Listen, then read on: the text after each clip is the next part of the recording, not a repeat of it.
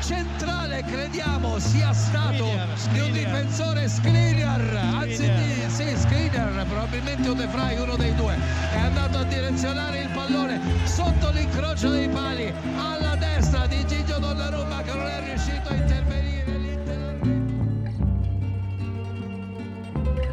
Het is vrijdagmorgen, iets voor half tien. Sander Jonkman uh, en ik, uh, Willem Haak, zitten er weer klaar voor. En uh, vorige week konden we nog makkelijk opbouwen naar de derby della Madonnina tussen Milan en Inter. Maar vandaag kunnen we mooi nabeschouwen. Ook al is het al een aantal dagen geleden dat die wedstrijd werd gespeeld. Maar ja, voor jou een bijzonder pijnlijk einde, denk ik. En voor mij ik zat in het stadion als interista, eigenlijk niets mooiers. Bij uh, van Milan 2-0 voor. Ja, ik weet niet of het uh, symbolisch is dat je mij een uh, soort gifbeker hebt gegeven uh -huh. met, met water erin. een soort witte wijn is het bijna. Broes is afwezig hier bij Afkikken, dus we moeten volledig voor onszelf zorgen. Ook voor de techniek, ik hoop dat het allemaal goed komt. Dus ja, ik heb een soort gifbeker voor me met water. En, je zou zeggen dat hij al leeg was. Dat trap jij af, want jij bent erbij geweest. Dat, ja, uh, nou, mogen als eerst praten. Laten we beginnen bij het begin, denk ik. Uh, de sfeer is al top. Uh, stadion uitverkocht, 76.000 mensen aanwezig. Uh, veel interitie, omdat Inter thuis speelde. Maar daartussen zie je dan ook nog wel Milan-fans. Rechts van mij de Curva Soet van Milan. Links de Curva Noord. Hadden fantastische sfeeracties. Dat was echt, uh, het was perfect. Ja, zelfs uh, een soort uh, sfeeractie 2.0 van de Curva Soet van Milan. Ja. Met Intermerda uitgebeeld met lichtjes was het, ja. of met telefoons? Mooi, mooi nageaapt van Lazio. Lazio had de afgelopen weken al twee sfeeracties met, met de telefoons uitgedacht. Eén uh, waarop een adelaar stond uit het logo. Andere Roma Merda. Hetzelfde wat Milan deed met Inter Merda. Uh, maar het zag gewoon goed uit. Alleen in het stadion zag je het niet. Dus je ziet wel dat een telefoon ligt, maar je ziet niet precies wat er staat. Dus ik dacht, hey, wat, staat er nou? Zie je op Twitter later wel dat er Intermerda staat. Had je natuurlijk zelf ook al in kunnen vullen. En, uh, en links ook nog de, de Cor van Noord van Inter met een fantastisch doek. En ook het zieke bij deze sfeeracties is altijd dat ze aan de historie denken van Milaan. Ze hebben altijd een soort historisch verhaal en dat, dat belichamen ze dan in die sfeeractie. Nou, dat is, uh, dat is fantastisch. Hoeven we niet hier helemaal uit te leggen. Uh, en toen begon de wedstrijd. En, en, en de eerste helft was Milan zo goed. Maar echt, echt, echt heel goed. Ja, best helft van het seizoen, denk ik. Nou, uh, het moet wel. Ja, jij hebt ze allemaal gezien. Ik heb wel een groot deel gezien. Maar ik heb Milan dit seizoen niet beter gezien dan, dan die, uh, die eerste 45 minuten van afgelopen zondag. Nou ja, ze speelden weer in een, uh, ja, het inmiddels bekende 4-4-2 systeem. Alleen met zoveel druk vooruit. Ehm, ja, Inter kreeg eigenlijk helemaal geen tijd om om adem te halen. Het was gewoon continu binnen 4, 5 seconden zat, zat Milan er bovenop. En uh, ja, en uiteindelijk een 2-0 voorsprong. Meer dan verdiend. Had ja, had zeker. Meer, het had veel groter nog zeker. kunnen zijn. Zeker als uh, Çalhanoğlu het allemaal iets beter had uitgespeeld. Want ja, dat valt me allemaal niet mee hoor, hoe hij, uh, hij speelt. Hij doet echt mm. super zijn best. Maar zijn rol is wel, wel een, een, een rol die hij goed kan invullen. Hij speelt om en rond Slatan. Slatan speelt als soort van nummer 10 om het spel te verdelen. En Çalhanoğlu kan dan opduiken in alle gaten eromheen. Net zoals Rebic vanaf de linkerkant ja. komt. Alleen zijn grootste kwaliteit uh, was altijd zeg maar zijn traptechniek. Maar ik heb hem nu weer een paar ballen zien geven. Schoot weliswaar één bal in het begin op de, op de paal. Achtste minuut, ja. Alleen een paar keer ook kon hij hem gewoon heel makkelijk breed geven. En dan gaf hij weer veel te hard eroverheen. Of uh, echt, uh, echt ja, een beetje ongepolijst eigenlijk. Terwijl je dat absoluut niet bij, bij zo'n voetballer verwacht. Maar als Milan het beter had uitgespeeld, had het 3-4-0 bij rust kunnen staan. En, en de Vrij speelde prima. Die heeft nog best wel een aantal ballen weg, uh, weggehaald, ook al in de eerste helft. De rest van Inter was vrij slecht. Ja, die hadden in ja, eerste helft eigenlijk niks te vertellen. Dus ik, ja, ik zat ook in de rust van, nou ja, 2-0 voor. Uh, als je zo blijft spelen, dan is er niks aan de hand. En dan ga je, uh, ga je gewoon deze derby winnen. En ik zat in de rust... Um, echt te balen. Ik ja. dacht, de Slatan is, is echt nog steeds, ook op 38-jarige leeftijd, hartstikke goed. Was de beste man van het veld. Een assist en een doelpunt. Uh, de verdedigers van Inter, ook de Vrij niet, die ik net wel een compliment gaf, konden geen grip op hem krijgen. Um, en, en ook Rebic vond ik ontzettend sterk. Uh, ja. Die linkerkant bij Milan loopt, loopt echt heel, heel goed. Met uh, Hernandez, Theo Hernandez en Rebic. Die sinds de winterstop opeens echt heel erg goed is. Ja, het is vooral heel irritant om tegenover te staan. Want ze blijven maar lopen, allebei. Ja, je, wat ik net ook zei, van, ja, je krijgt geen enkel moment de tijd om een beetje adem te halen. Om, dan komen die twee weer op. Kijk, is Rebic het is absoluut niet een verfijnde voetballer of zo. Het is eigenlijk gewoon blind draven en hij loopt wel eens per ongeluk tegen een bal aan. En daar stonden dan, dan Kandreva, uh, Godin en, en uh, wie nog meer? En Vecino tegenover. Ja. Dat zijn ook niet de beste spelers van Inter. En die werden de eerste helft gewoon totaal overlopen. ja, het was gewoon een soort eh, overpower eh, tactiek van Milan, wat eh, tot de rust heel goed werkte.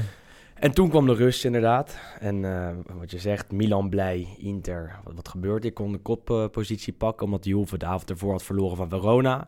Eh Juve kon, eh, stond daardoor op 54 punten. Inter kon naar 54, maar stond met rust 2-0 achter. Ik weet niet wat er in die eh 15 minuten is gebeurd. Maar eh, op het moment dat Milan en Inter uit de kleedkamer uitkwamen, eh, de, uit de kleedkamer kwamen, totaal anders. Binnen zes minuten stond het 2-2. Nou ja, met name die, die 2-1 vond ik echt een kantelpunt. Want eigenlijk had Inter in de eerste helft nog niet echt goede kansen gehad. Een kopballetje van Godin. Schot van Vecino was een goede kans. Ja, die had er ook ja. eigenlijk wel in gemoeten. Maar dat was de enige grote kans die ze hadden gehad in de eerste helft. En ehm, eh, ja, die 2-1 van Brozovic, hij komt eigenlijk gewoon gelukkig voor zijn voeten. Het was niet een uitgespeelde aanval of iets. Voorzet van Kandreva, die wordt uh, Afvallende bal. Ja, afvallende bal. En, en Brozovic schiet hem echt Ja, fantastisch nee, in. zeker. Maar op dat moment weet je gewoon al, eigenlijk, dit gaat hem niet worden van Milan. Ja, ja, Want ja. je weet, nou, nu gaat dat hele stadion erachter staan. Ja, tenminste, op dat ene Milan-vakje na. Ehm, en je weet gewoon, nu gaat het momentum zo kantelen. en ik ben ervan overtuigd dat als die 2-1 niet was gevallen, eh, zo snel, dat eh, Milan in ieder geval een resultaat had gehad. Is het dan mentaal of tactisch dat het de, de wedstrijd nou, je ziet het heel vaak dit seizoen bij Milan. Bij de eerste beste tegenslag valt het helemaal weg. Dat is niet, echt niet voor het eerst. Ik kan... Ja, ik, ik, heb eh, dit seizoen bijna alle wedstrijden live gezien. En het is heel vaak op het moment dat er dan één keer een tegenslag valt, dan valt het helemaal, eh, helemaal weg. En eh zelfs Slatan kan dat blijkbaar niet veranderen. En nu was het ook weer zo, want twee, voor één, binnen één minuut of twee minuten na de 2-1 was het meteen 2-2. En toen stond ook eh, weer iemand van Calabria. Stond, oh nee, Conti was het volgens mij. Ja, Conti. Ja, Die stond weer te slapen en toen was het, nou ja, ook eh, hup, 2-2. Nou weet je gewoon, dit gaat hem niet meer worden. Omdat het momentum zo in korte tijd is gekanteld. Ik had absoluut geen eh, vertrouwen meer in. Ondanks dat er nog 2-2 stond van, nou, Milan gaat hij nog eh, zich herpakken en een punt pakken. Gewoon de hele tweede helft, geen normale aanval of iets gezien. Nee, nee. Ja, Inter was echt een stuk beter. Bleef stormen. eh, zeker naar die 2-1 en, en al helemaal naar die 2-2. eh, denk je dat, dat ze gaan winnen. En dat gebeurt dan ook omdat de Vrij een bal fantastisch eh, inkopt. Ja, wel mooi, wel mooi voor hem. Ja. Dat kan ik dan nog wel zeggen. Juicht. ja. Kun je nog net over je lippen laten rollen. Nou, de Vrij die, die echt heel goed speelde. werd beloond met een doelpunt. Eh, fantastische kopbal. Corner van Kandreva. En, en de bal komt eigenlijk achter de Vrij terecht. En Ja, komt er echt knap. zo goed in. Vanaf de, ja, een beetje een Ronaldo-achtige kopbal. Echt eh, ook best wel van ver. Ja, het verbaast me dan altijd dat je vanaf die positie überhaupt een, nou, zeg maar zo kan koppen, zo Mhm. vrij. Maar eh, ja, dat doet niet onderaan wat voor fantastische kopgoal dit was. Voor, eh, Scoorde bij. Lazio redelijk vaak. Bij Inter nog niet zo, eh, zoveel. Vorig jaar wel tegen Milan, ook in de derby. En, en dit weekend dus weer juichte door naar de cornervlag te rennen... en, en met de fans helemaal uit zijn dak te gaan. En dat was wel het moment waarop je denkt... nou, nu, nu kan het bijna niet meer misgaan. Nee, voor mijn gevoel is dat ook eigenlijk de beslissing. Weet je wel, uiteindelijk Ja. maakt Lukaku nog 4-2, wat de prima uitgespeelde goal was. Kers op de taart wel, hoor. Ja, maar dat, eh, weet je, hij- voor mijn gevoel heeft de Vrij gewoon de, de winnende gemaakt in die wedstrijd. En eh, ja, eigenlijk die 2-2 was al het kantelpunt. En het mooie is, vind ik, dat de media dan nog die kopbal van Zlatan Ibrahimovic op de paal uitlichten in de Ja. 89ste minuut. Maar die was sowieso afgekeurd. Er werd al hens gemaakt Ja. in de aanval door Bonaventura. Dus ik zat te kijken, iedereen van Inter appelleerde. Ik, ik, ik dacht dat het ook te hebben gezien. Eh, dus die hele aanval dacht ik, oh, dat boeit niet. Want uiteindelijk, stel ze scoren, gaan ze toch naar de VAR. Maar als dan eh, toch die bal nog op de paal belandt, dan denk je, nou...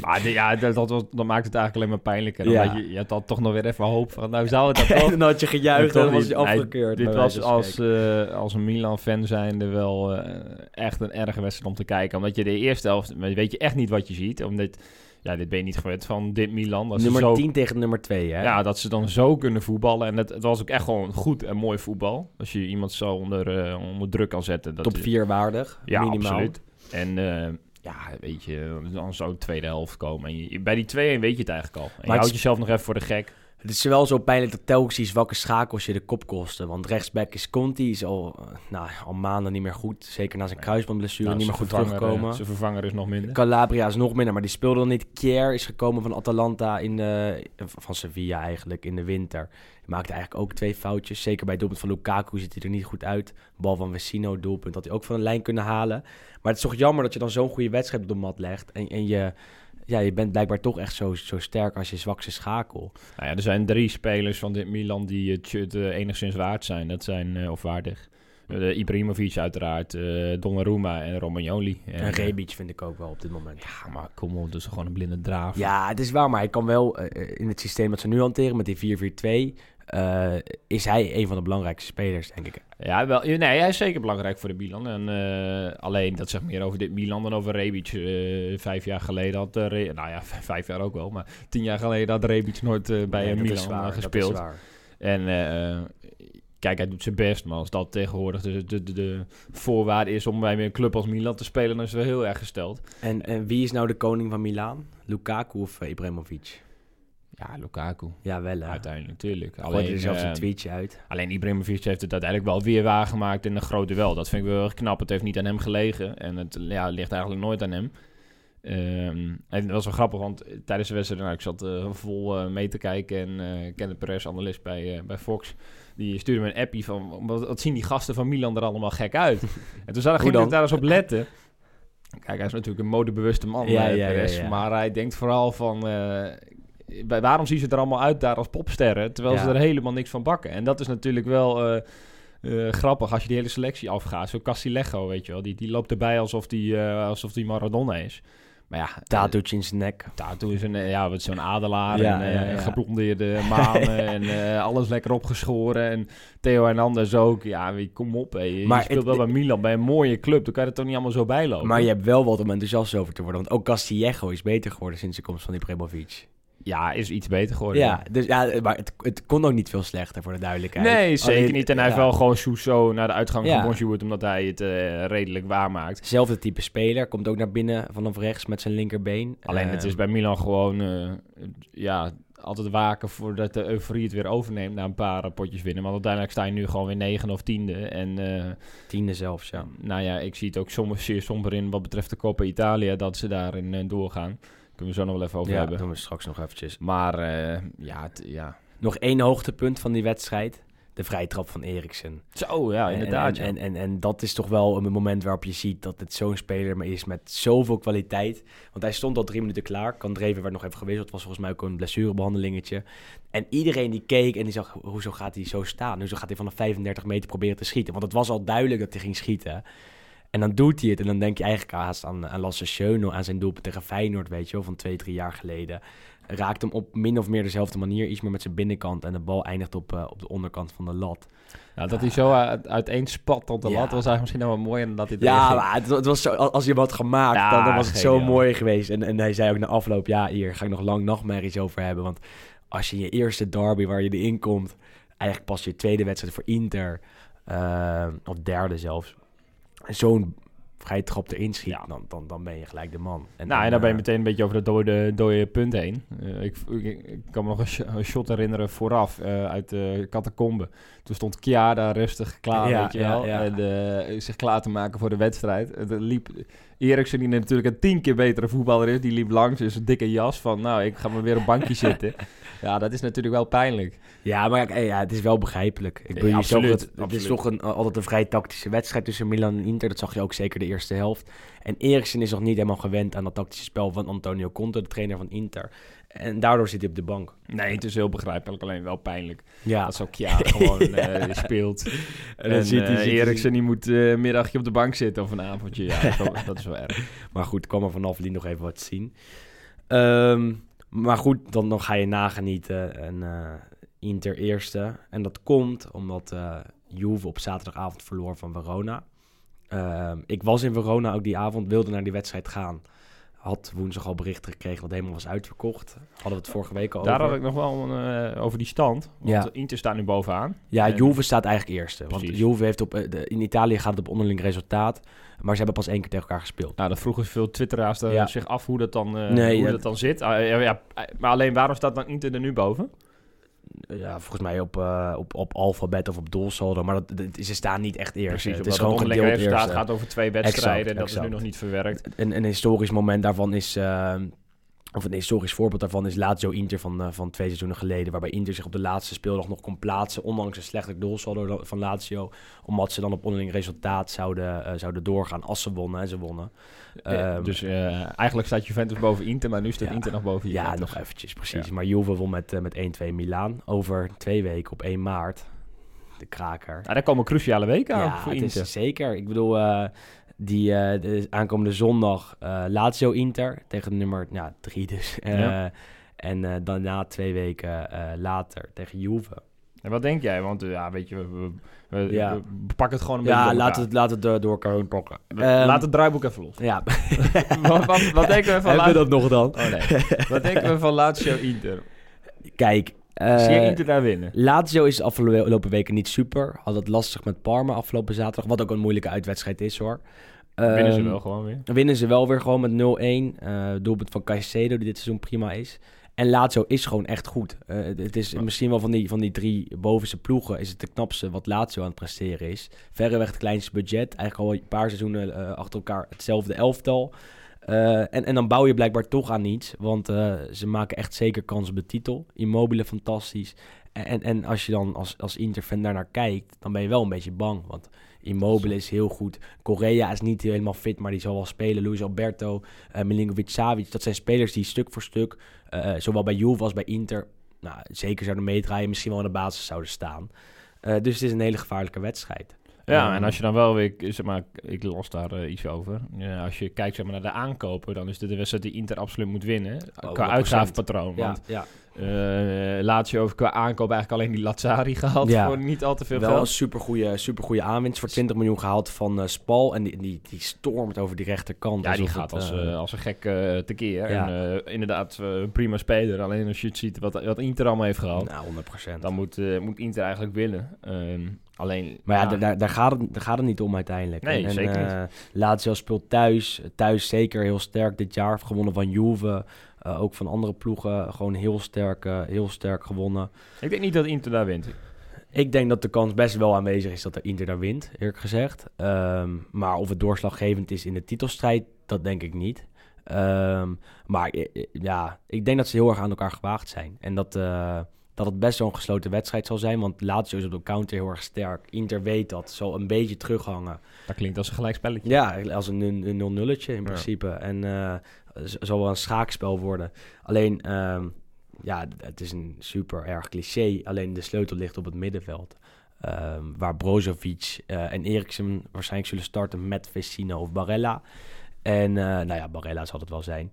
En eh, Lazio komt daar ook met een, met een aantal echt sterke spelers. Ik noemde ze al. Milinkovic-Savic, eh, Lucas Leiva, Luis Alberto. Ja, die Lucas Leiva, die valt me ook wel steeds meer op. Want Heel goed. het is eigenlijk een kopie van Bilia. Ja. Qua manier van spelen. En eh, volgens mij hebben ze hem destijds van Liverpool gehaald. Ja, transfervrij dacht ik. Toen was er absoluut niet kapot van. Maar nu, eh, ja, hij staat wel lekker te Hij ballen is, hij is een regisseur en, en, en, en eh, blijft altijd rustig. Is zeker een van de meest onderschatte spelers op, op de Italiaanse velden. En daar heeft Lazio er meer van. Ehm, ik bedoel, Lulic ben ik ook niet kapot van, maar die draait wel al, al, al jaren mee. En die doet het hartstikke goed. Is nu geblesseerd, zal niet spelen aankomende zondag. Is, ligt er voor een paar maanden uit. Maar ja, het, het is een echt een... een, een, een, een, ehm, ik denk in de titelaspiraties voor van allebei de teams is het heel erg belangrijk dat ze hier winnen aankomende zondag. Ja, natuurlijk. En Juventus speelt thuis tegen Brescia. Dat zullen ze wel winnen. Dat, dat zullen ze wel winnen, ja. ja, dat kan bijna niet anders. En als je dan als je als Lazio verliest, dan kom je toch op vier punten van eh, zowel Inter als Juventus. Ehm, verliest Inter, dan, dan, dan heb je toch weer een gat te pakken. Ja. Ehm, ja, en als Inter Eh, verliest, en dan heb je dus een week later Juventus. Twee weken Twee later, weken ja, later. 1 maart. Dan kan het... 1 maart is wat dat betreft een, een hele moeilijke avond. Eh, dan heb je Ajax AZ, je hebt in- eh, Juventus Inter en je hebt eh, Barcelona Real Madrid. Dus dan heb je eigenlijk vier schermen nodig. Hm. Ehm, maar ja, ja, we, zullen wel naar Juve Inter kijken. Uiteraard. Ehm, dus, dus dat is interessant om in de gaten te houden. Juve, laten we dan toch nog even daarop doorgaan, is gewoon echt heel erg zwak. Hè? Had je ze zo zwak verwacht? Nou, ik heb Juventus gisteravond ook weer gezien Ja. tegen eh, Milan in de, in de Coppa. Uiteindelijk, eh, voor de mensen die het niet hebben gezien, 1-1. Door een, eh, je verwacht het niet, hele late strafschop van eh, Cristiano Ronaldo. Penaldo, ik weer. ja, ehm, een voorzet. Ronaldo die, pro- die, ja, die probeert dan omhaal. Nou ja, op zich lukt hij redelijk. Uh, gaat was op de arm van. Calabria. Ja. En scheidsrechter geeft een strafschop. De arm van Calabria stond wel heel ver naar buiten. Kijk, als je hem echt strak op je rug had gehouden, dan was het, dan was het waarschijnlijk was die bal ergens in het vangnet Mhm, geëindigd. En dan was het geen penalty. En nu gaf je in ieder geval de scheidsrechter de mogelijkheid tot het geven van een panel. En bij Juve is het dan altijd raak. Ja, en hij gaf hem maar weer. Dus, Al moet ik eh, wel zeggen dat ik het wel echt een pingel vond hoor. Ja, ja. Het is, wat mij betreft, niet een 100% keek. Ik snap ook wel eens, eh scheidsrechters als ze denken van, het is van te dichtbij, we geven hem niet. Maar eh, ja, wel voor nee, 90, 80% zeker wel een strafschop. Het is de lijn die je moet trekken, want Juve kreeg tegen Verona afgelopen zaterdag eenzelfde soort penalty tegen. Eh, en nu krijgen ze hem mee. Ja, dat vond ik wel eens Ehm, leuk om te zien, eerlijk Ja, gezegd. toch? Dat Ja, ze, ja, dat ze eens zeker. een keertje eentje, eentje tegenkregen laat, was eh, tegen Verona. En niemand verwachtte dat hij hem ging geven, want, want eh, ze wilden al de corner gaan nemen bij Verona. En Ja, toen ging de scheidsrechter nog even naar de VAR. Verona toch eh, ja, door ons afgeschreven, begin van het seizoen. Nog maar eens. Moet, eh, moeten maar even benadrukken. ja, nog nee, maar eens. kijk, die, ook die gifbeker moet ze staan zesde. Ze gaan gewoon Europa in. Het is, Ze, ja, het ze, is ze staan boven Milan gewoon. Europees voetbal in het Bentegodi, gaat dat zien. Ja, nee, ja eh, gewoon echt een prachtige overwinning. 2-1 Ja. uiteindelijk. En uh, Hoe- hoe mooi is dat? Pazzini Ja. Maakte winnende vanaf 11 meter. Dat was al puur goud. Ja. En volgens mij Borini maakte... de- ja, Borini en Pazzini, twee ja. ex-Milanisti. Dat was op zich... Ja. En, en het was verdiend, want eh, zeker. Verona was echt de hele wedstrijd de betere ploeg. Zag gewoon doelpunt afgekeurd in de eerste helft. Ehm, toen kwam Juve nog op voorsprong en dan, dan zie je het alweer voor je neus eh, gebeuren. Ronaldo, individuele actie en die maakte hem 0-1. Zo Juve wel weer slecht spelen, maar toch weer winnen. Eh, maar eh, Verona toonde veerkracht. Knap doelpunt van Morini na een foutje van Pjanic, meen ik. En eh, ja, die, die penalty schiet uh, Pazzini er fantastisch in na een hensbal van Bonucci. Maar ja, hoe, ja, deze wedstrijd heeft twee kanten, denk ik. Want Juve was allereerst echt weer vrij zielig slecht. ja. En Verona was aan de andere kant echt indrukwekkend goed. Waar Amrabat weer, weer heel veel indruk maakte. ja, was mooi. Een dag later was, hij ging hij skypen met ehm, Ziggo. En toen zat hij dus al in de, in de, in de zandbak. Was zat hij ergens in de woestijn in ja. Ik Marrakesh. zag het op Instagram inderdaad. Toen, eh, eh, ah, we mochten even, hij was tot dinsdag vrij, vertelde hij. Dus eh, hij ging even op en neer naar, eh, naar Marrakesh. En zondag spelen ze gewoon weer. Ja, Ja. dus eh, ja, ze hebben even ervan genoten. En terecht ook. Een fantastische overwinning natuurlijk. En eh Amrabat gewoon weer de man. En hij Ja. legde het eh, daarin trouwens ook goed uit. Was een gesprekje met eh eh Calipula Roes en Bas van Venendal. Van, ehm, over waarom hij voor Fiorentina heeft gekozen. En eh, kijk, hij vertelde toen eigenlijk meer of meer... Hij heeft wel keuzes gemaakt in zijn leven die misschien... eh, achteraf zeker wat minder uitpakte, maar dat hij dus wat meer op de club afging. Van, eh, nou, eh Feyenoord, uh, Club Brugge, zeg maar, elke keer de Mhm. top aantikken. En nu pakt hij een club er een beetje tussenin, waarmee hij mooi mee kan groeien met, eh, waar we het vorige week over hebben gehad, Met het eh, project. project. Ja, ja, ja. ja. Bij, een, bij een Inter of een Napoli of wat dan ook, nou heb je ook geen garanties. Mhm. Dus hij, eh, nou, hij speelt misschien wat meer op safe. En bovendien, de voorwaarden zijn natuurlijk goed. ja. Dus een verstandige keuze, hij heeft er goed over nagedacht. Meer dan begrijpelijke keuze. En, en, was hartstikke goed en weer. tot dan speelt hij gewoon hartstikke goed bij Verona. En kunnen ze misschien wel Europees voetbal veilig stellen. Dat zal wel wat zijn, hè? 34 punten staan eigenlijk maar, ja, maar vijf punten achter AS Roma, die op een vijfde plek staan. Maar het staat allemaal dicht op elkaar. staat ja. heel dicht op elkaar. En kijk, Verona zal nog wel gaan verliezen, een paar potjes en dan gewoon op een achtste plek eindigen. Maar dat is alsnog heel erg knap. Het is een van de beste promovendi van de afgelopen jaren. Ehm, ik las een, las een rijtje op Twitter dat je het, Sarri, of het Empoli van Sarri had. En het eh, Parma van, eh, van een paar seizoenen geleden. Die waren allebei ook hartstikke goed. Deden lang mee om, eh, om de plek in het linker rijtje. En Verona doet tot nu toe hetzelfde. En, en, en eh, als je dan wint van Juve thuis, dan is dat eigenlijk al het hoogtepunt van het seizoen. Eh, en er zit nog meer in, want Inter gaat ook nog naar op, naar, eh, op bezoek. Nou, over Juventus nog even, ook naar de opstelling van tegen Verona en ook weer gisteren. Kijk, Sarri die wil een bepaald type spel spelen. Sorry, bal. Het Sarri-bal. Maar hoe kan je dat gaan spelen? Met, nou, in dit geval de opstelling tegen Verona met Rabiot, Pjanic en Betancourt op het middenveld. Ja, dat vind ik echt wel redelijk eh, schrijnend. Is dat een fout van de scouting of een fout van Sarri? Nou ja, Sarri stelt ze uiteindelijk op, toch? Ja, maar je weet op het moment dat Sarri als trainer wordt aangesteld, wat voor voetbal hij, hij predict.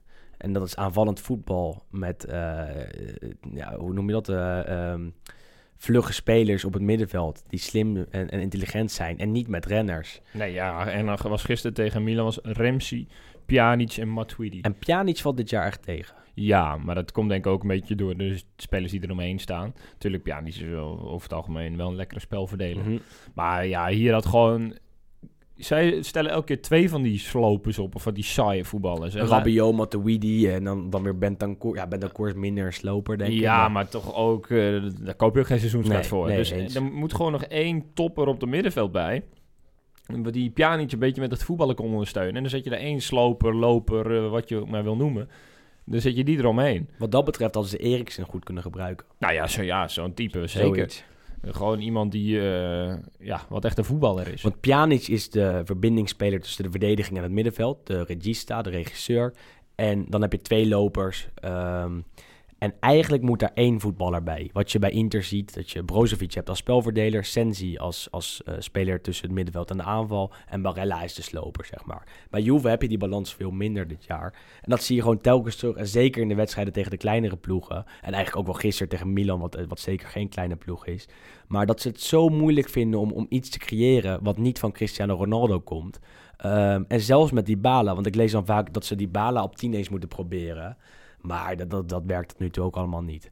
Eh, dus het is wat dat betreft echt, echt elke week eh, heel pijnlijk om naar Juventus te kijken. Of, of in ieder geval pijnlijk voor je ogen. Want er is helemaal niks te genieten totdat Cristiano Ronaldo een keer de bal krijgt. Ja, eh, zonder Cristiano was Juventus never nooit kampioen ge- geworden. Nee, nee. En, en dan hadden ze nu zeker geen eerste, of ja, eerste of tweede, wat is het ook, gestaan.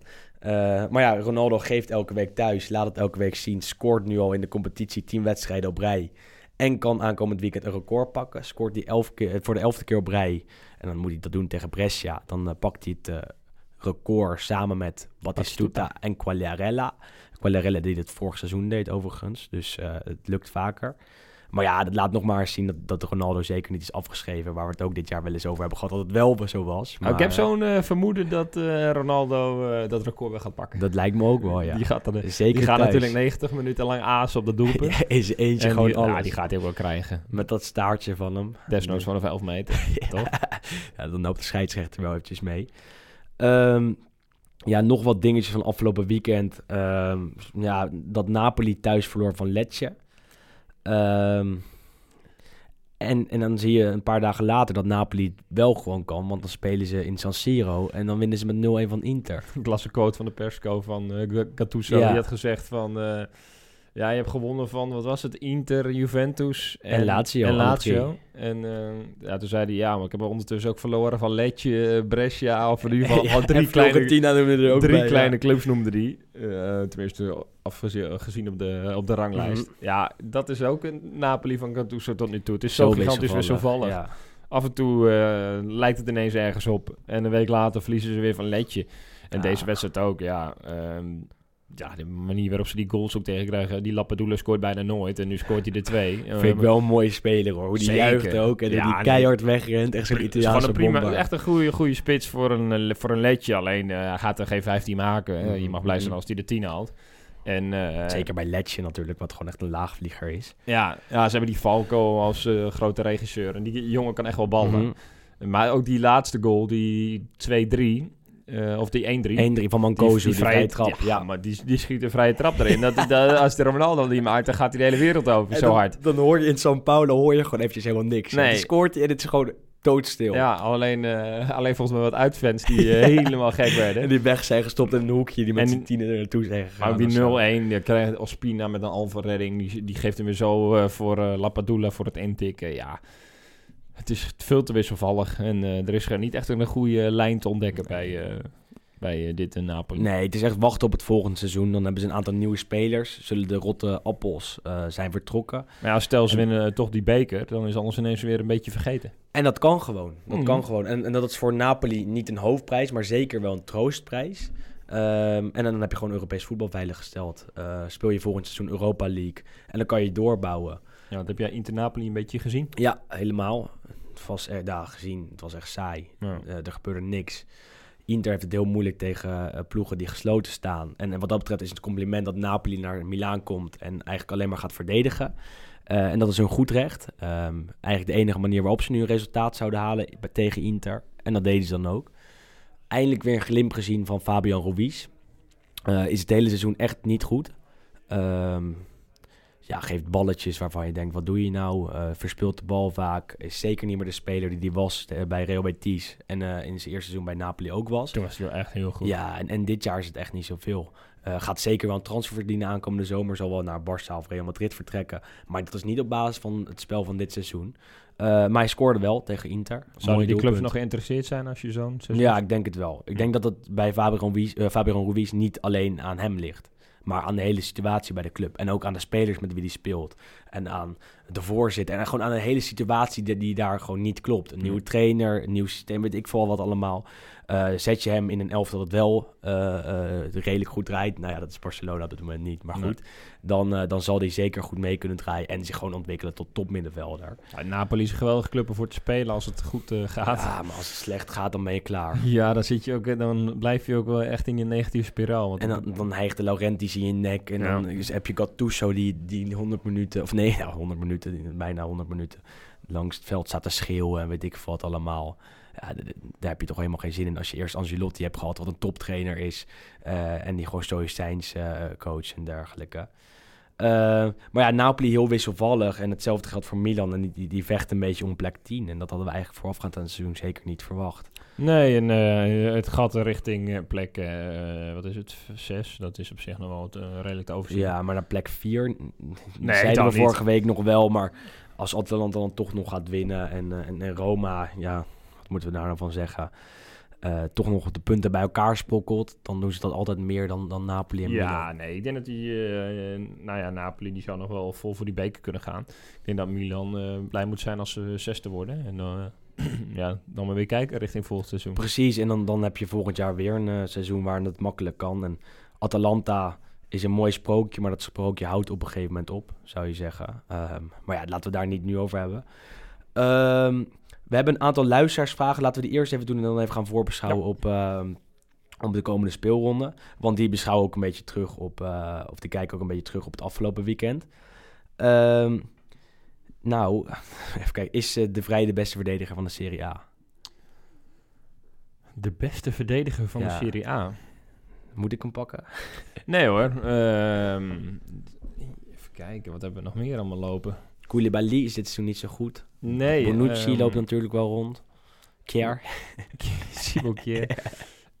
um, Skriniar. Ja, Skriniar vind ik ook wel erg, echt goed.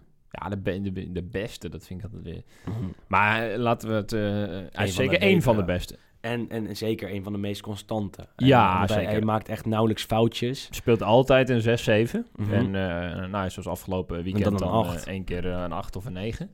Dus uh, hij is zeker een van de beste. Ja, de beste. Ja. Nee, het is moeilijk te bepalen. Ook omdat Inter natuurlijk wel in een systeem speelt wat hem enorm ligt. Ja, en ik, uh, nou, over licht. de licht. Die ja, uh, vind ja. ik ook de laatste tijd echt wel een hele goede indruk maken. Um, en maar dat is dan, dan, dan kaart je gelijk de mooie discussie aan. Want ik heb deze week denk ik wel zes, zeven keer de vraag gekregen. Yo, vind je dat de vrij in de basis moet staan bij het Nederlands elftal? Dat kregen we nu ook door op, op Twitter.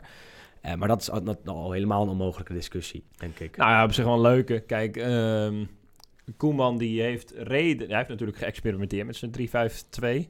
5-3-2, hoe je het uitlegt. Ja. Um, daar heeft hij uh, ja, op een gegeven moment is hij er weer van afgestapt. Omdat uh, vanuit uh, nou ja, het land werd toch wel een beetje de druk opgevoerd van Nederland zelf moet 4-3-3 spelen. Ja. En je hebt ook de middelen ervoor. En Tegenwoordig heb je die middelen niet meer. Mm, nou ja, Koeman is in, in, ieder geval overstag gegaan en heeft toen met uh, 4-3-3 sorry, zo. Ja, 4-3-3 een hele goede mm campagne gehad. Um, alleen nu zijn er een paar spelers weggevallen in Memphis. Babel een stukje slechter dan, dan Memphis twee jaar geleden. gewoon de DK spelen natuurlijk, ben ik wel van overtuigd. Als ik, ik zijn Instagram uh, zie. Dat is wel dat is een hele andere discussie. Maar bij de arts waar Memphis loopt, hebben ja. ook Strootman, Florenzi en Milik gelopen. En die hebben daarna nog een keer een kruisband afgescheurd. Milik is een andere knie. Ja. Maar je moet echt heel, heel voorzichtig zijn. Ja, en dat is de bij niet. En, of Memphis niet. En dat vind ik heel gevaarlijk. Het, het, is absoluut gevaarlijk. En je neemt daar risico. Ik denk wel dat als één iemand het kan, is Memphis het. Als je die, uh, die fysiek van die jongen ziet. Dat is toch wel iets anders dan een Milik. Wat, uh, wat veel, veel kleiner mannetje is. Of althans in uh, breedte. Ehm, maar ja, kijk, je hebt de drie beste verdedigers, of je hebt drie hele goede verdedigers in, in de personen van uh, Van Dijk, De Licht en De Vrij. Ik denk dat geen ander land uh, niet zal opstellen als ze zeg maar, mm -hmm. beschikking over hadden. Alleen Nederlands elftal presteert over het algemeen beter, omdat we dat gewoon gewend zijn, de Hollandse school. Het systeem, het systeem dat je kent en waar je niet nog op moet trainen, wat je, wat je er nooit in hebt gespeeld. En dat nee. is natuurlijk ook gevaarlijk. En kijk, je kan daar wel uh, met, uh, voor de vrij met drie verdedigers gaan spelen. Alleen de licht die speelt bijna altijd, nou eigenlijk altijd, met vier man achterin. Van Dijk speelt altijd achterin met vier man achterin. Um, Aan de andere kant was het op het WK 2014 ook een 3-5... Oh, sorry, de tafel gaat wat bijna over. Oh, we hadden bijna geen podcast meer. ja. uh, was op het WK 2014 ook 3-5-2 of 5-3-2. Ja, alleen dat was natuurlijk wel met een uh, Nederland... dat eigenlijk geen, geen enkele kans van slagen had. Uh, en, en enigszins lucky was tegen zowel Costa Rica als tegen Mexico. Nee, maar dat werkte voor dat jaar heel goed met die selectie. En iedereen begon er echt in te geloven en dat, dat werd iets... Uh, volgens mij, uh, daar slaat de Telegraaf je namelijk altijd mee om de oren. Op het moment dat uh, er iets moest gebeuren, dat er een goal moest worden gemaakt, schakelt ze altijd over naar een 4-3-3. Kijk, als je alle elfde spelers afgaat, die zijn potentiële basisspelers, volgens mij, ik denk dat 9 of 10 van de, van de 11 in een, in een 4-3 systeem gewend is om te spelen, of in ieder geval met 4 man achterin. Ja, moet je dan alleen voor Stefan de Vrij je hele elftal gaan ombouwen? Ja, ik zie dat niet echt zitten. Wat wel, uh, wat wel interessant is, is dat Koeman afgelopen weekend in Italië was. Zeker. En niet alleen om naar de Vrij te kijken, ook niet alleen om de Paai te bezoeken in Rome, waar hij revaliteert. Maar ook om naar uh, het duel tussen Fiorentina en Atalanta te gaan. Uh, en interessant is daar dat de Roon geschorst was, Haterboer op de bank zat. Maar wie er wel speelde was Robin Goossens op linkshalf of linksachter. En dat is natuurlijk wel een speler die ideaal is voor zo'n 3-5-2. Ah, ik zou het wel weer heel mooi vinden als die uh, Koeman toch weer iets aan het bekokstoven is. Daarin, hij zit nu alleen uh, ja, in principe maanden uh, ja, geen wedstrijden. En, nee, nou, veel voetbal kijken, mm -hmm. denk ik. Maar in ieder geval uh, met Nederland zelf dan niet op pad. Als hij nu toch al maanden over nadenkt, is om toch misschien zo'n 3-5-2 uit te hoofd moet te toveren. belletje uit zijn gegaan. Met, uh, met de Vrij van Dijk, de Licht centraal. En dan een go type Gozens op links. Nou ja, misschien en, wel Robin Gozens zelf. En Hatenboer op rechts. En Hatenboer op rechts. en dan, ja, dan ben je wat dat betreft bijna klaar. Dan zet je Frenkie de Jong, Wijnaldum, Van der Beek op het middenveld. En dan uh, ja, moet je alleen nog twee voorin vinden. Precies, ja, het kan wel natuurlijk. En, en, en Goossens is dit jaar echt hartstikke goed. Ja. Gaat een transfer verdienen in de zomer, tenzij die nog een dik contract krijgt Weet je, je hebt uh, Patrick van Aanholt, die in een 3-5-2 zie ik hem ook wel spelen. Kijk, in principe heb je de middelen ervoor. Alleen het enige probleem is, je hebt er nog niet mee uh, vast gevoetbald. En dan vergeten we Deli Blind natuurlijk. Ja. Blind is wel een speler die eigenlijk moet spelen in het Nederlands zelf. Nou, ook die zou in een drie, met een van die drie centrale verdedigers kunnen zijn. Dus dat geeft je ook weer uh, flexibiliteit. Nu gaan we het wel veel over het Nederlands elftal hebben natuurlijk. Ja, maar op zich maar wel, dat, uh, wel, ja, uh, wel geinig. Veel Serie A-haakjes namelijk. En, laat ja. ik het zo zeggen, ik zou het heel gewaagd vinden als hij nu nog van zijn 4-3 afstapt en toch voor die 3-5-2 kiest. Um, door de blessures en door de speler die hij tot zijn beschikking heeft. Maar ik, ik, denk persoonlijk niet dat hij het gaat doen. Ik denk het ook niet. Maar hij heeft te wel... groot risico is vlak voor het toernooi. Maar hij heeft wel de ideale spelers ervoor. En, ja. en zo'n uh, de manier waarop de Vrij zich nu elke week manifesteert, kan je hem bijna niet passeren. En, en dat is uh, de druk die al een jaar aan het opbouwen is. Maar hij zit op dit moment denk ik wel op het toppunt, aangezien die zo goed is en, en zo sterk. En ik zeg niet beter dan Licht, ik zeg ook niet beter dan Van Dijk. Maar het is een speler die, die overal aan de basis zou staan, die, die fantastisch werk levert. Nou, je hebt gewoon drie uh, topverdedigers tot ja, je beschikking. En dat is moeilijk. Maar het luxe, ja, luxe probleem achterin en ja. een, een, een, een spitse probleem in een negatieve zin, denk ik. En dat is op zich ook, ja, het is natuurlijk ook weer lekker om een, om een de vrij op de bank te kunnen hebben. Van stel er gebeurt iets, kan het maar zo hè, dat de, de Licht uh, volgende week uh, alles afscheurt. Laten we hopen van niet. Maar ja, dan ben je weer blij dat je een de vrij hebt. Dus uh, zo is het uh, toch een beetje puzzelen. Als maar... we toch even bij de Nederlanders blijven. Um, afgelopen vrijdag won Bologna bij Roma ja. met uh, 2-3. Uh, wie daar ook uh, echt uh, heel erg opviel, was Jerdy Schout op het middenveld bij Bologna. Niet uh, Moussa Barrow? Of hoe ja, die ook wel. die, dat, dat, die, dat is een speler uit de jeugdopleiding van Atalanta naar Bologna getransfereerd. En die, uh, die, die, die dribbelde de hele verdediging van Roma overhoop. Die is net naar Bologna toe gegaan. Die heeft er nu al vier, of drie ja. of vier in liggen. Ja, fantastisch. En bij Atalanta lukt het nooit. Soms wel bekend als groot talent. En, en ja, in Bologna komt het er eindelijk uit. Maar ja, wie, wie uh, misschien iets minder bekend stond in Nederland als groot talent... maar wel opviel bij Excelsior, was die uh, Jerdy Schouten. Uh, eerste half jaar een paar keer gespeeld. Stond tegen Milan thuis in de basis. toen na 45 minuten gewisseld. Um, krijgt de afgelopen weken weer veel meer kansen.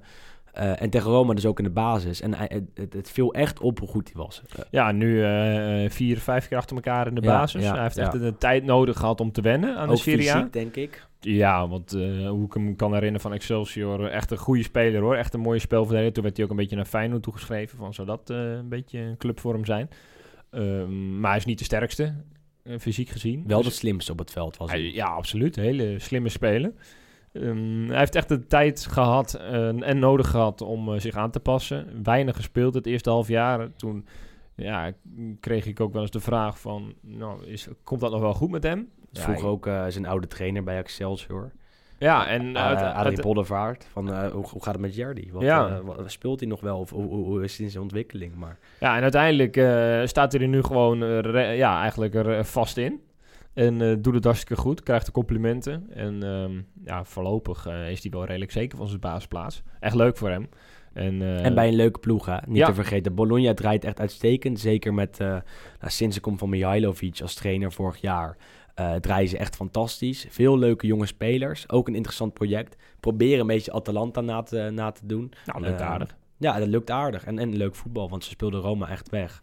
Uh, en, en Jerdy uh, Schouten heeft daar zeker wel een rol in. En ik denk ook de komende jaren of komende maanden in ieder geval nog wel... dat hij daar, uh, nou ja, daar op een mooie plek zit om zich door te ontwikkelen. Ja, gewoon heel goed gescout ook weer van, van Bologna, volgens mij staan we bij van een transfersom van een miljoen. Ja, en, maar zij hebben nu uh, Sabatini als technisch directeur. Dat is een man die bij Roma goed werk heeft geleverd in het verleden. Ook bij een aantal andere clubs.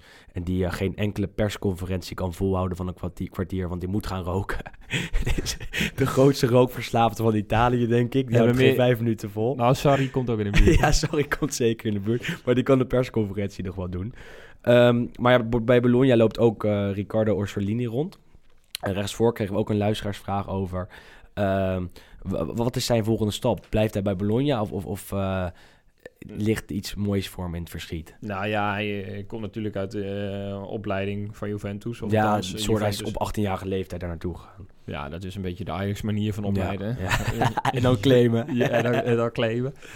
Ja, nee, Orsolini, ik vind het een heerlijke voetballer hoor. Het is echt een linkspoot op rechts. Een beetje, uh, nou als je moet vergelijken, een beetje type Berghuis. Rob is een voorbeeld. Nou ja, zo'n soort speler is het. Uh, alleen, um, ja, voor Juventus werd hij, werd te licht uh, bevonden. En daar kan ik me in deze fase nog wel iets in vinden. Want het is nog niet constant genoeg. Soms zie je hem ook drie, vier wedstrijden niet. Wel met leuke acties hoor. Maar dan qua productie stokt het dan eventjes. En dan ineens scoort hij er weer twee. Of geeft hij een prachtig mhm. assist. Maar hij heeft een fantastisch linkerpootje. En ik denk dat hij wel een stapje hoger kan dan Bologna. Maar eerst verhuurd aan Bologna. En afgelopen zomer kocht Bologna hem voor bijna 20 miljoen. Uh, het interessante van die, van die som is dat er gewoon een clausule in, in het, in het eh, transfercontract staat. Waardoor Juve hem makkelijk kan terugkopen. En dat is dan onder de radar. Uh, maar eigenlijk wel algemeen bekend in Italië dat als Orsolini een stap kan maken naar Milan of Inter of weet ik wat of het buitenland, kan Juve dat bedrag even naren en dan gaat hij gewoon naar Juve. En Juventus doet het altijd, terwijl een gek genoeg Nederlandse clubs dat zelden doen. Mm -hmm. Bijvoorbeeld Ajax toen met de Mitchell Dijks, die ze toen nog weer uh, hals over kop moesten terugkopen. Mm -hmm. Ja. ja, je kan het beter gewoon verkopen met een, met een soort clausule erin. Dat je, en dan kan je makkelijk terughalen en misschien dan doorverkopen. Ja, stel dan dat, dat hij toch uh, zich ineens razendsnel ontwikkelt, ja. kan hem altijd nog terughalen. En maar uh, ik denk dat hij wel iets hoger kan. Uh, maar op zich zit hij ook prima bij Bologna, kan hij nog even blijven. Maar ik zie hem niet meteen bij Juventus of zo ik ook niet, presteren. Ik ook niet. Um, door naar het volgende, de volgende luisteraarsvraag um, van Stijn. Also known as Alaphilippe. Uh, hoe zien je de staat van Atalanta richting de Champions League van uh, volgende week? Want uh, volgende week staan er weer een paar wedstrijden op het programma. En Atalanta speelt dan tegen Valencia. Volgens mij eerst in San Siro. in Milaan mogen niet in het eigen stadion, want dat is niet groot genoeg en niet modern genoeg voor de Champions League. Dus wijken ze net als in de groepsfase uit naar Milaan. Want San Siro is wel super modern. Uh, ja, San Siro, dat is echt een hypermodern bruisend stadion. Uh, maar goed, wel veel kaart overkocht. Bijna 40.000. En dat is zeker voor een Atalanta heel erg veel. Um, en Valencia draait niet super. Verloor afgelopen weekend van Ajax tegenstander Getafe. Atalanta afgelopen weken wisselvallig, maar wel uh, met uitschieters naar boven ook. Makkelijk gewonnen bij, of tenminste knap gewonnen bij Fiorentina afgelopen weekend. Voorspelling? Nou ja, dit dit is eigenlijk de enige loting waarin Atalanta kans eh, had om door te gaan. En die, eh, dat geldt ook voor Valencia overigens. Dus die treffen dan elkaar. Ehm, ja, ik denk als je heel eerlijk moet zijn dat ze allebei niet kwartfinale waardig zijn. Nee. Qua eh, als je de rest van de clubs ziet die door, mogelijk door kan gaan. Maar hoe, zou het, hoe mooi zou het zijn als Atalanta... Nee, ja, een fantastisch sprookje. Ja. En laten we het hopen voor het Italiaans voetbal. En ik geef er ook echt een goede kans, want ik denk dat ze niet zo heel veel onderdoen voor Valencia. Ik denk dat dat een beetje, nou, een beetje om het even is. Ja, Dat het, ja, dat het redelijk lijkt me fit wel. 50-50 wedstrijden zijn. Valencia in principe iets meer kwaliteit. Atalanta, daar klopt gewoon alles. Al de afgelopen jaren tactisch gezien. En ook eh, qua spelers wel, eh, wel heel veel kwaliteit vooral voorin. Met, eh, met eh, Ilicic, Gomez en Zapata. Nou, je ziet gewoon heel veel tegenstanders hebben moeite om daar tegen te spelen. Dus, en dan kan je eh, van iedereen winnen. En dat, dat hebben ze wel bewezen in het verleden. En ook thuis tegen City. hebben ze toen gewonnen of gelijk gespeeld? voor mij 1-1. Ja, 1-1 inderdaad. Ehm, maar ja, dan kunnen ze het iedereen lastig maken. Maar ze kunnen ook dik verliezen. Dat, ja, ik denk echt dat dit een 50-50 game is. En laten we hopen voor ons dat de goede kant op valt wat betreft Atalanta. Maar ja, nogmaals, deze twee clubs zijn wel gelijkwaardig. Ja, dat lijkt me ook. Ehm, komend weekend We hebben niet nog een luistervraag. Ja, we, hebben, ja, we kunnen nog wel even doorlullen. Het is prima. Drie kwartiertjes bezig. Ah, ja. Ik weet niet of jij naar je werk moet. ja, zo wel. Maar voor één luistervraag. nog even één luistervraag. Ehm, ja, hoe kan het dat AS Roma zo slecht draait en zo wisselvallig is? En, en, en waardoor hebben zij zoveel blessures, waardoor iedereen alsmaar wegvalt? Nou ja, blessures, dat, eh, ja, dat weet ik niet. Het eh, kan eh, op... eh, Het verhaal is dat ze een, een nieuw trainingsveld hebben aangelegd. Dat ze vorig jaar ook veel blessures hadden. maar dat, spelen ze nu op klei dan of zo? Ik heb eh, geen idee, maar ze hebben ook een nieuwe medische staf aangesteld. Iedereen is eruit gegooid. Totale nieuwe eh, medische staf aangesteld. En alsnog hebben ze zoveel blessures. En het is echt de vraag waardoor dat komt. Ja, dat is vanaf hier moeilijk beoordelen. Maar Ja. we hebben het wel eh, al antwoord gegeven, een paar podcasts geleden, over de wisselvalligheid. Dat het voornamelijk door de, eh, de jeugdigheid Ja, van het elftal komt. Ja, Er zitten wel een paar oude rotten tussen, maar voornamelijk eh, zijn het jonkies. En ja, kijk, ook een Justin Kluivert is daar een per- perfect voorbeeld van. Die zie je soms in een hartstikke goede periode en soms dan zie je hem weer weken niet. Ehm, Hoeveel spijt zouden zij hebben van het niet halen van Ziyech? Zeker als je deze week weer de transfer van, A- van, eh, van Ajax naar Chelsea ziet. Nou ja, ja daar had Sia toch ook zelf iets over gezegd. Van dat Monkey hem toen uiteindelijk gewoon Mm. weken niet had gebeld. Dat Nee, maar niks dat- van had het- gehoord. het, is, het is gewoon pijnlijk. Want zij, ehm, volgens mij is dat twee zomers geleden ondertussen... dat eh, ze en Kluivert en Ziyech wilden. Alleen ze hadden niet gelijk zoveel geld paraat om ze allebei te halen. Toen hebben ze voor Kluivert gekozen. Op zich een begrijpelijke keuze. Jonger, eh, iets meer potentie in principe. Ik weet niet of je dat echt waar maakt, maar goed.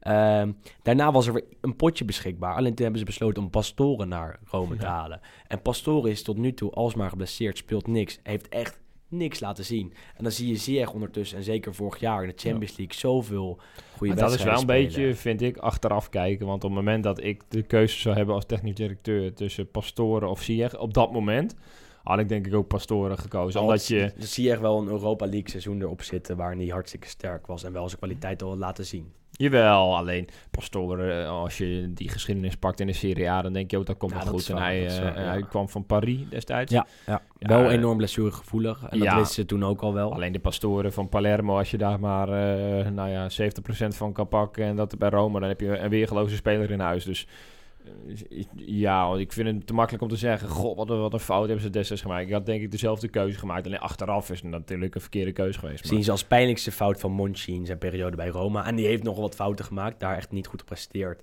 Heel veel miskopen gedaan, Ja. Salah te goedkoop verkocht. Eh, en dat is ook achteraf kijken hoor. Is allemaal heel makkelijk, maar in zijn twee jaar bij Roma heeft Monchi niks voor de club betekend. En telkens als er iets over Ziyech verschijnt, dan zie ik weer berichten Ja. van, eh, van al die Roma fansites en al die Roma fans, en dat zijn er veel op Twitter, dat ze het zo stom vinden dat Ziyech destijds niet gehaald. En het is ook stom, alleen eh, wat je zegt, achteraf kijken, maar je had al, het was niet helemaal koffiedik kijken. Je, je had al een beetje kunnen voorspellen dat, dat het zo zou lopen. Maar ik vind Ehm, wel, eh, dat is meer voor de Premier League podcast, een hele leuke transfer. Ja, zeker. Een beetje onorthodoxe keuze. Ja. niet dat heel veel mensen voor Chelsea... Ja, het direct zouden een mooie, kiezen. een mooie eh, stap voor hem. En, en in principe, als je ziet hoe het de afgelopen twee jaar met Roma is gegaan, voor hem, nou ja, is zijn geduld beloond. En, natuurlijk voor de Pantelice podcast. Zeker, Ja, die hebben van, reclame gemaakt. gisteren een mooie podcast opgenomen in de arena. Die heb ik even geluisterd onderweg hier naartoe en ik heb erg genoten. Oh. Eh, Menno Gelen, eh, een, de, de, de, commercieel directeur van Ajax, die, eh, die schoof aan. Was eh, zeker een aanrader om eh, te luisteren. Wij gaan aankomend weekend gewoon weer naar de Serie A kijken. Tuurlijk. Uh, echt, de topper is op zondagavond. Lazio Inter. De nummer 1 tegen de nummer 3. Ik mag het nog even zeggen, de nummer 1. de nummer 1 die, die eigenlijk nummer 2 is, maar veel terzijde. Um, en niet te vergeten, op zaterdagavond is Atalanta Roma. En dat is echt een aanrader. Als je tijd hebt en op zaterdagavond niets te doen hebt, zeker even aanzetten. Uh, twee, uh, twee leuke teams en die allebei strijden om een Champions League plek. En Roma moet daar winnen. Uh, het, is echt, het is echt van levensbelang dat ze daar winnen.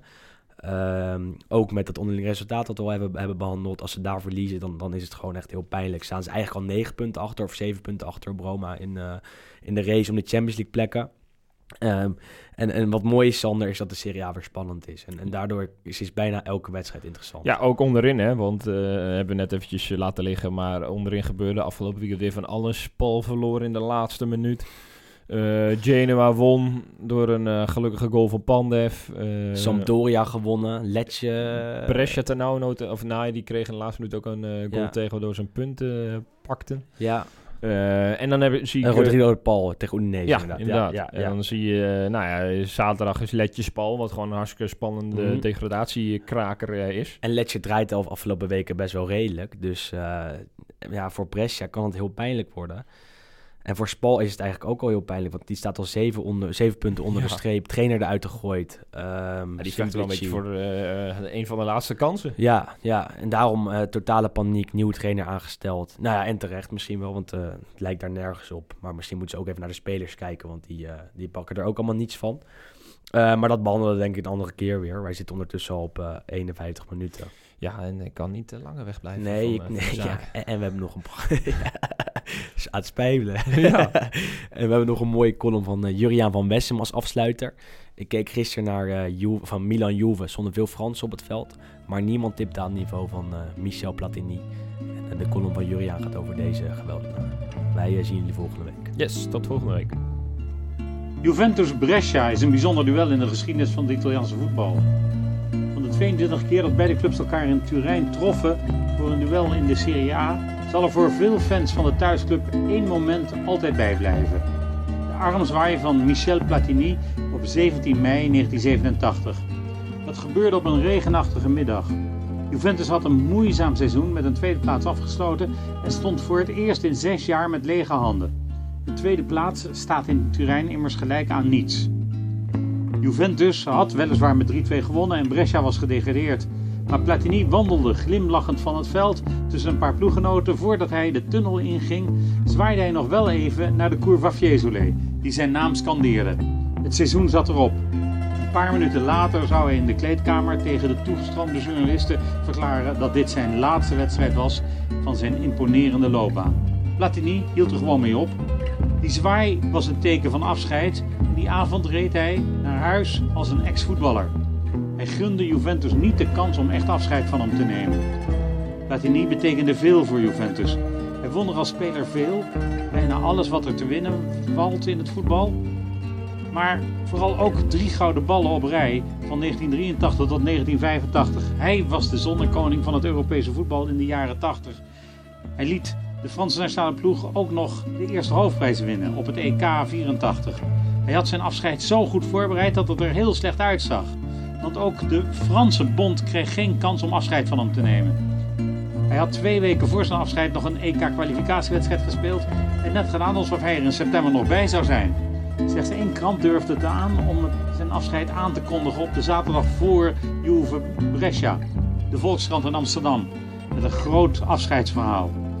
Maar in Italië was er altijd de hoop dat hij nog één jaar aan zijn loopbaan zou toevoegen.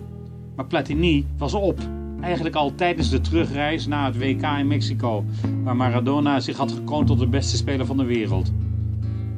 Het bijzondere aan Platini was dat hij echt heel goed was, maar fysiek geen uitzonderlijke indruk maakte.